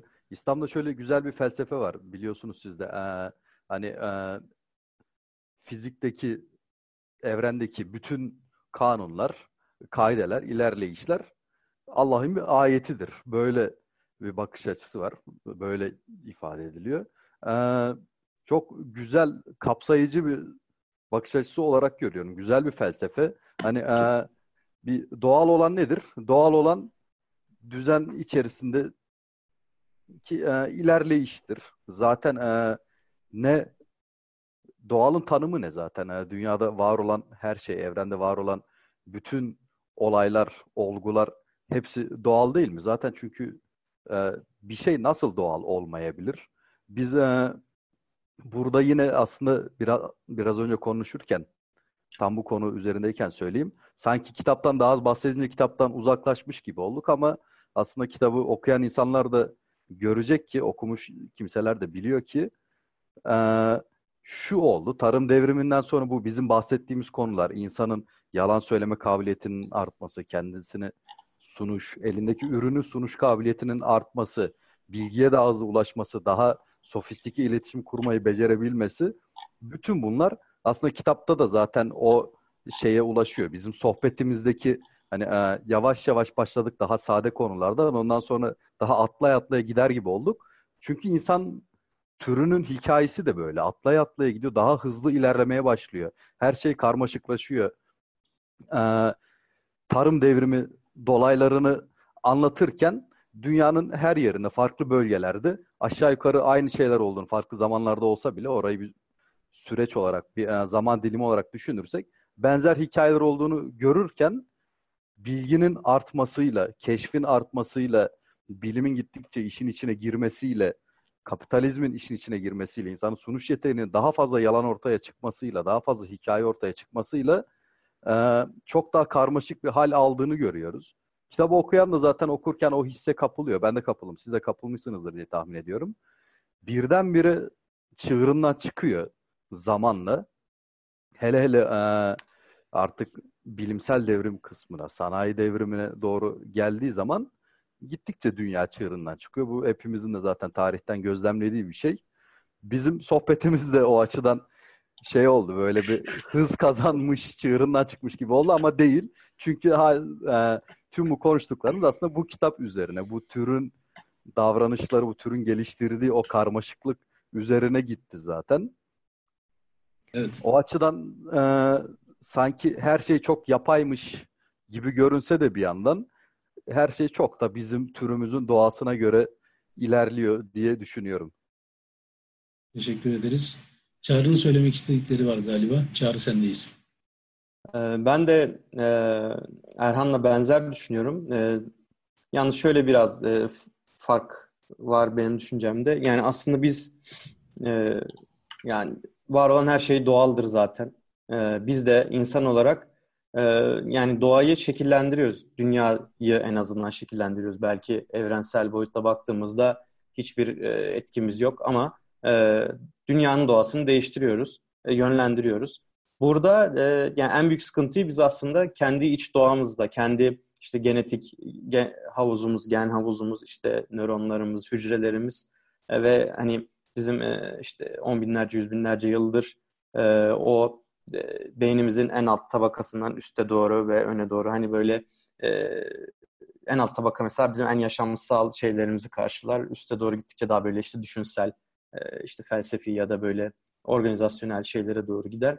E, hani biz o katmanlar, beyin katmanlarımız e, bizim şeyimize yetişemiyor yani şu an doğayı yönlendirdiğimiz, yaşantımızı yönlendirdiğimiz şekilde yetişemiyor. Orada biz bence sıkıntı yaşıyoruz insanlık olarak. Yani dış doğamızı çok hızlı geliştirdik hakikaten. özellikle bu sanayi devriminden itibaren dış doğamız inanılmaz değişti.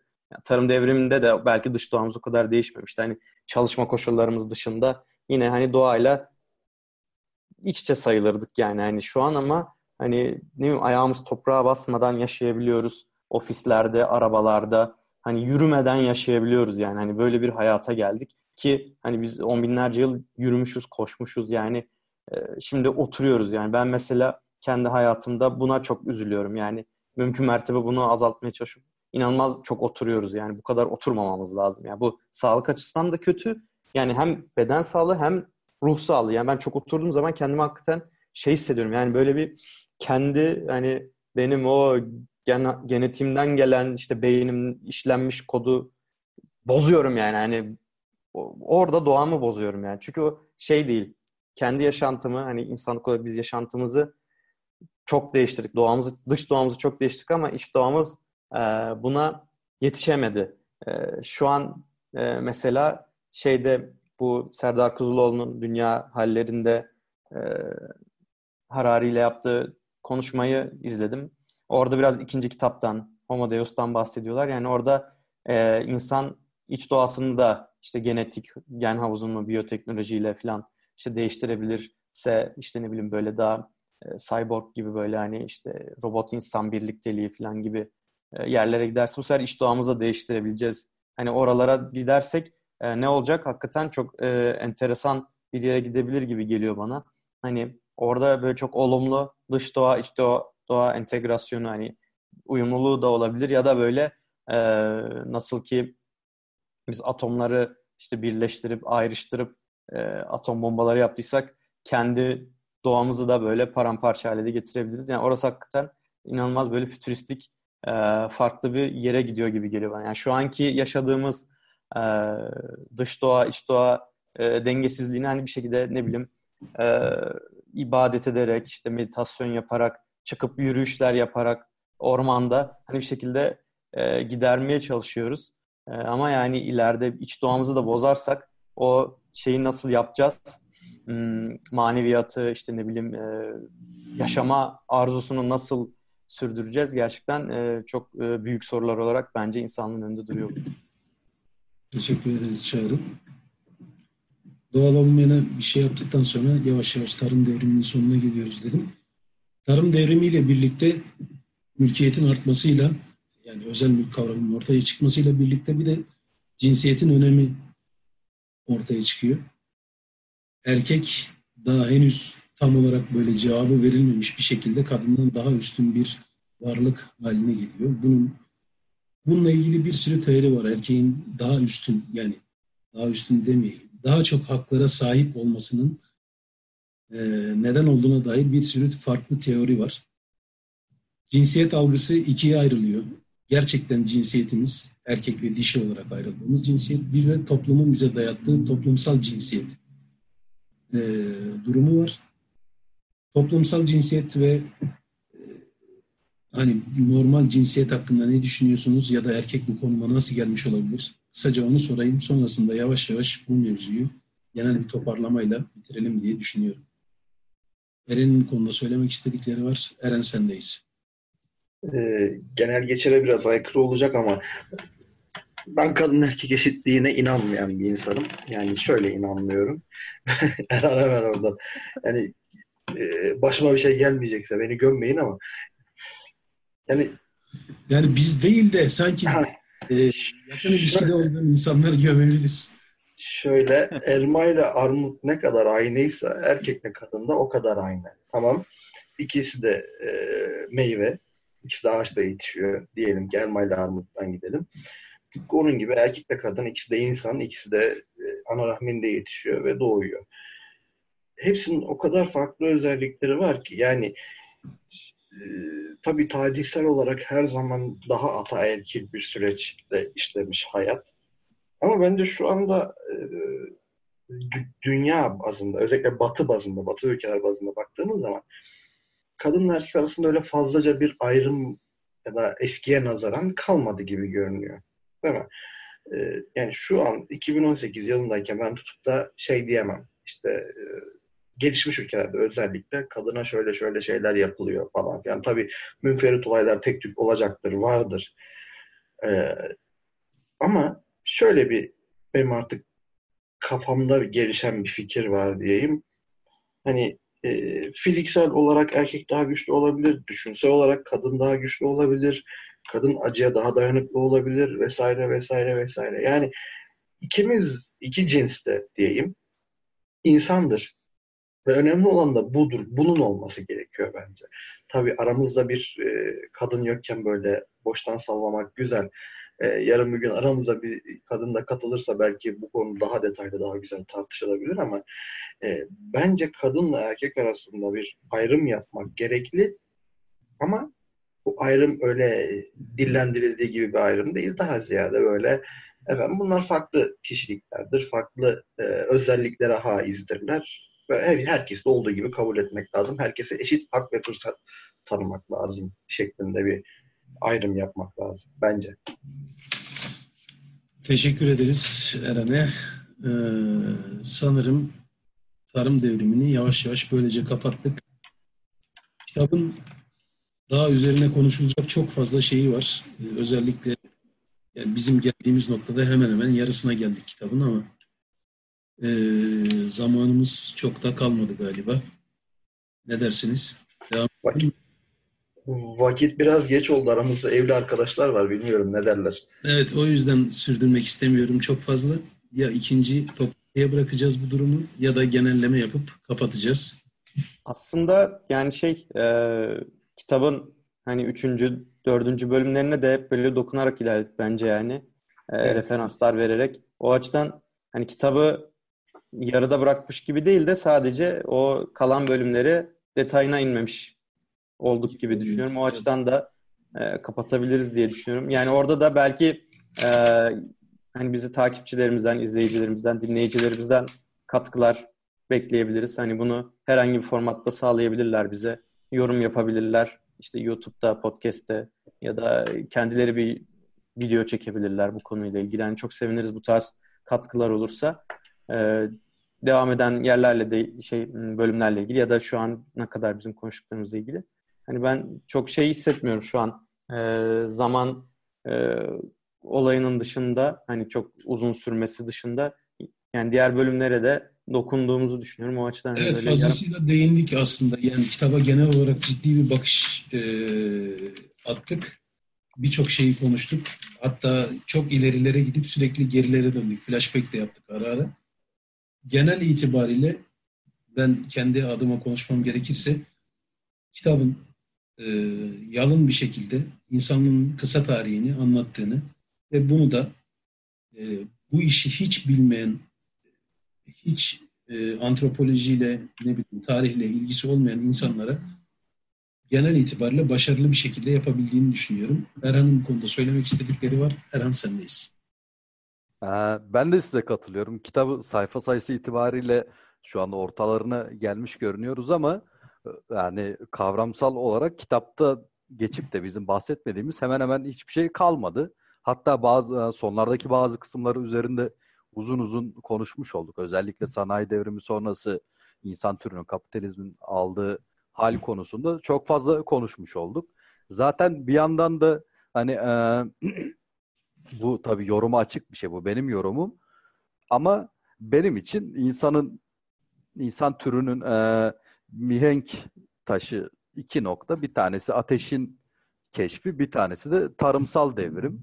Bunlar olduktan sonra yani zaten şey eğer o dönemlerde oturup da gelecekte ne olur acaba diye düşünebilecek böyle müthiş zekaya, öngörüye sahip olsaydık, oturup tahmin etseydik, sanki aşağı yukarı kapitalizmi, bilimsel devrimi, bugünkü geldiğimiz nüfus sayısını dahi tahmin edebilirdik diye düşünüyorum. Daha doğrusu e, bu noktaya geldikten sonra artık hani tarım devrimi, ateşin keşfi gibi gelişmeler olduktan sonra bugün geldiğimiz nokta çok da sürpriz değil. Artık ondan sonra iş ayrıntılara kalıyor. O yüzden dolu dolu bahsettik kitaptan. Ben ben de o kanaatteyim sizin gibi. Ee, kapsayıcı oldu. Dişat'ın dediği gibi yine genel bir yorum yapmak gerekirse e, insan türü ne tür serüvenlerden geçmiş, ne tür bir stratejisizlik içerisinde bir strateji içerisinde bulmuş kendini. Öyle garip bir durum var zaten hani evrim dediğimiz, gelişim, devinim dediğimiz kavramın da özü budur zaten. Bir dışarıdan bakınca bir stratejiymiş gibi görülmesine rağmen aslında tamamen bir akış gereği bir rastlantısallıkların toplamı. O kadar çok büyük bir rastlantısallık toplamı ki bu insanın ilerleyişi, doğanın ilerleyişi genel itibariyle bir strateji gibi görünmemesi imkansız. Biz o strateji kapsamında, o devinim kapsamında her şeyden bahsetmiş olduk. Cinsiyet konusu vardı. Ee, o konuya ayrıca girmekten ziyade zaten gelecek dönemde muhakkak safi cinsiyetleri konuşacağımız, hatta kadın erkek ilişkilerini konuşacağımız kitaplara yani zaten şimdi e, edebiyat girip de kadın erkek ilişkileri üzerine kitaplardan konuşmayacak olmamız düşünülemez galiba. O konudaki fikirlerimi ben de tekrara düşmemek için hem saklıyorum hem de Eren biraz şimdilik şey yap topa girmiş oldu. Onu da Eren'in yakın çevresi Dilşat'ın deyimiyle. aynı şekilde şey yapmak istemiyorum. Neyse. Anladım ben seni. Anladım. Son olarak toparlamak gerekirse e, Sapiens tarihinden bu yana bir sürü badire atlattı, sıkıntı atlattı ve bir noktada kendini bu noktaya konumlandırdı. Genel itibariyle de Sapiens kendi kendini bu noktaya konumlandırdı. Yanında getirdiği türlerle beraber bir bölümüne ben eziyet ettik diyorum. Erhan ve Çağrı biraz daha farklı düşünüyor. Buradayız, bu noktadayız. Yani tarihte geldiğimiz noktada Sapiens bütün iyilikleriyle, kötülükleriyle, e, yaptıklarıyla bu noktada çok iyi işler başardık mı? Göreceli bir kavram. Çok gurur duyacağımız işler yaptık mı? Kitabın son sayfalarında da söylüyor yazar. Belki yaptık, belki yapmadık. Yine kişiye bağlı. Söylemek istediğim eğer dünyaya dair Sapiens'in hangi badireleri atlattığını, hangi serüvenlerden geçtiğine dair bir fikir edinmek istiyorsanız, herhangi bir şekilde buna e, merak duyuyorsanız bu merakınızı büyük oranda tatmin edebilecek ve size kesinlikle yeni ufuklar açabilecek bence ciddi bir çalışmanın ürünü iyi bir kitap. İçini bence iyi yapıyor. Bu fikirlerimi söylüyorum ve sözü son olarak Eren'e bırakıyorum. Eren sendeyiz. Ee, ben bağlarken öncelikle Erhan bir şeye işaret etti. Onu bir kendimce tamamlamak istiyorum. Hani e, insanoğlunun şey noktaları, kırılma noktaları. Ben o ikisine ek olarak bir de suyu ekliyorum. İnsanoğlu suya hükmetmeyi başardığında bence büyük topluluklar kurabildi, büyük şehirler kurabildi. Suya hükmetmek dediğim şu, yani farkında değiliz çoğumuz ama ben bu sektörde çalıştığım için biliyorum. Çeşmenizi açtığınızda o suyun o basınçla akması aslında çok ciddi, çok zor bir mühendisliğin eseridir. Daha da önemlisi e, sifona bastığınızda klozetin temizlenmesi de çok zor bir mühendisliğin eseridir. E, insanları çok büyük salgın hastalıklardan vesaireden şundan bundan korur. E, dolayısıyla hani suya hükmettiği zaman insan hem tarım olarak hem yaşam şartları olarak daha sağlıklı bir şekilde hayatını idame ettirebilmesi açısından çok büyük bir şekilde ivmelendi üremesi insanlığın. E, kitap hakkında benim görüşlerim tabii konuştuklarımdan az çok belli olmuştur. Kitabın güzel fikirlere sahip olduğunu düşünüyorum. Ufuk açacak olduğunu düşünüyorum. Ancak okuyacak arkadaşların ek okumalar yapmasını da ben isterim. Yani okuduğunuz zaman bu kitabı e, Google diye bir şey var elimizin ucunda çok önemli bir kaynak. Eskiden yani bizim yaş ortalamamız 30 civarında. Biz açıp ansiklopedi okurduk ve o e, hangi volümü varsa onu okurduk. Yani o zaman pahalı şeylerdi bunlar. Biz de anladığınız gibi fakiriz. E, yani ailelerimiz de çok zengin değildi ve o ansiklopedilerin e, her volümü olmayabiliyordu evlerde. Mesela ben o yüzden yumuşak G'ye kadar bilebiliyorum bazı şeyleri ondan sonrası yok.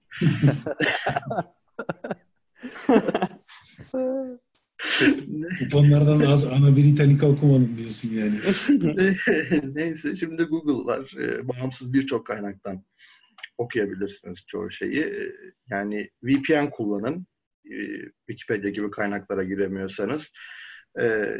Yani VPN'den olduğunu herkes az çok biliyordur diye düşünüyorum. Ee, ek okumalar yapın. Okuduğunuz yani insanoğlu okuduğu her şeye inanmamalı. Benim anlattıklarıma da inanmayın. Dilşat'ın, Çağrı'nın ya da Erhan'ın anlattıklarına da inanmayın.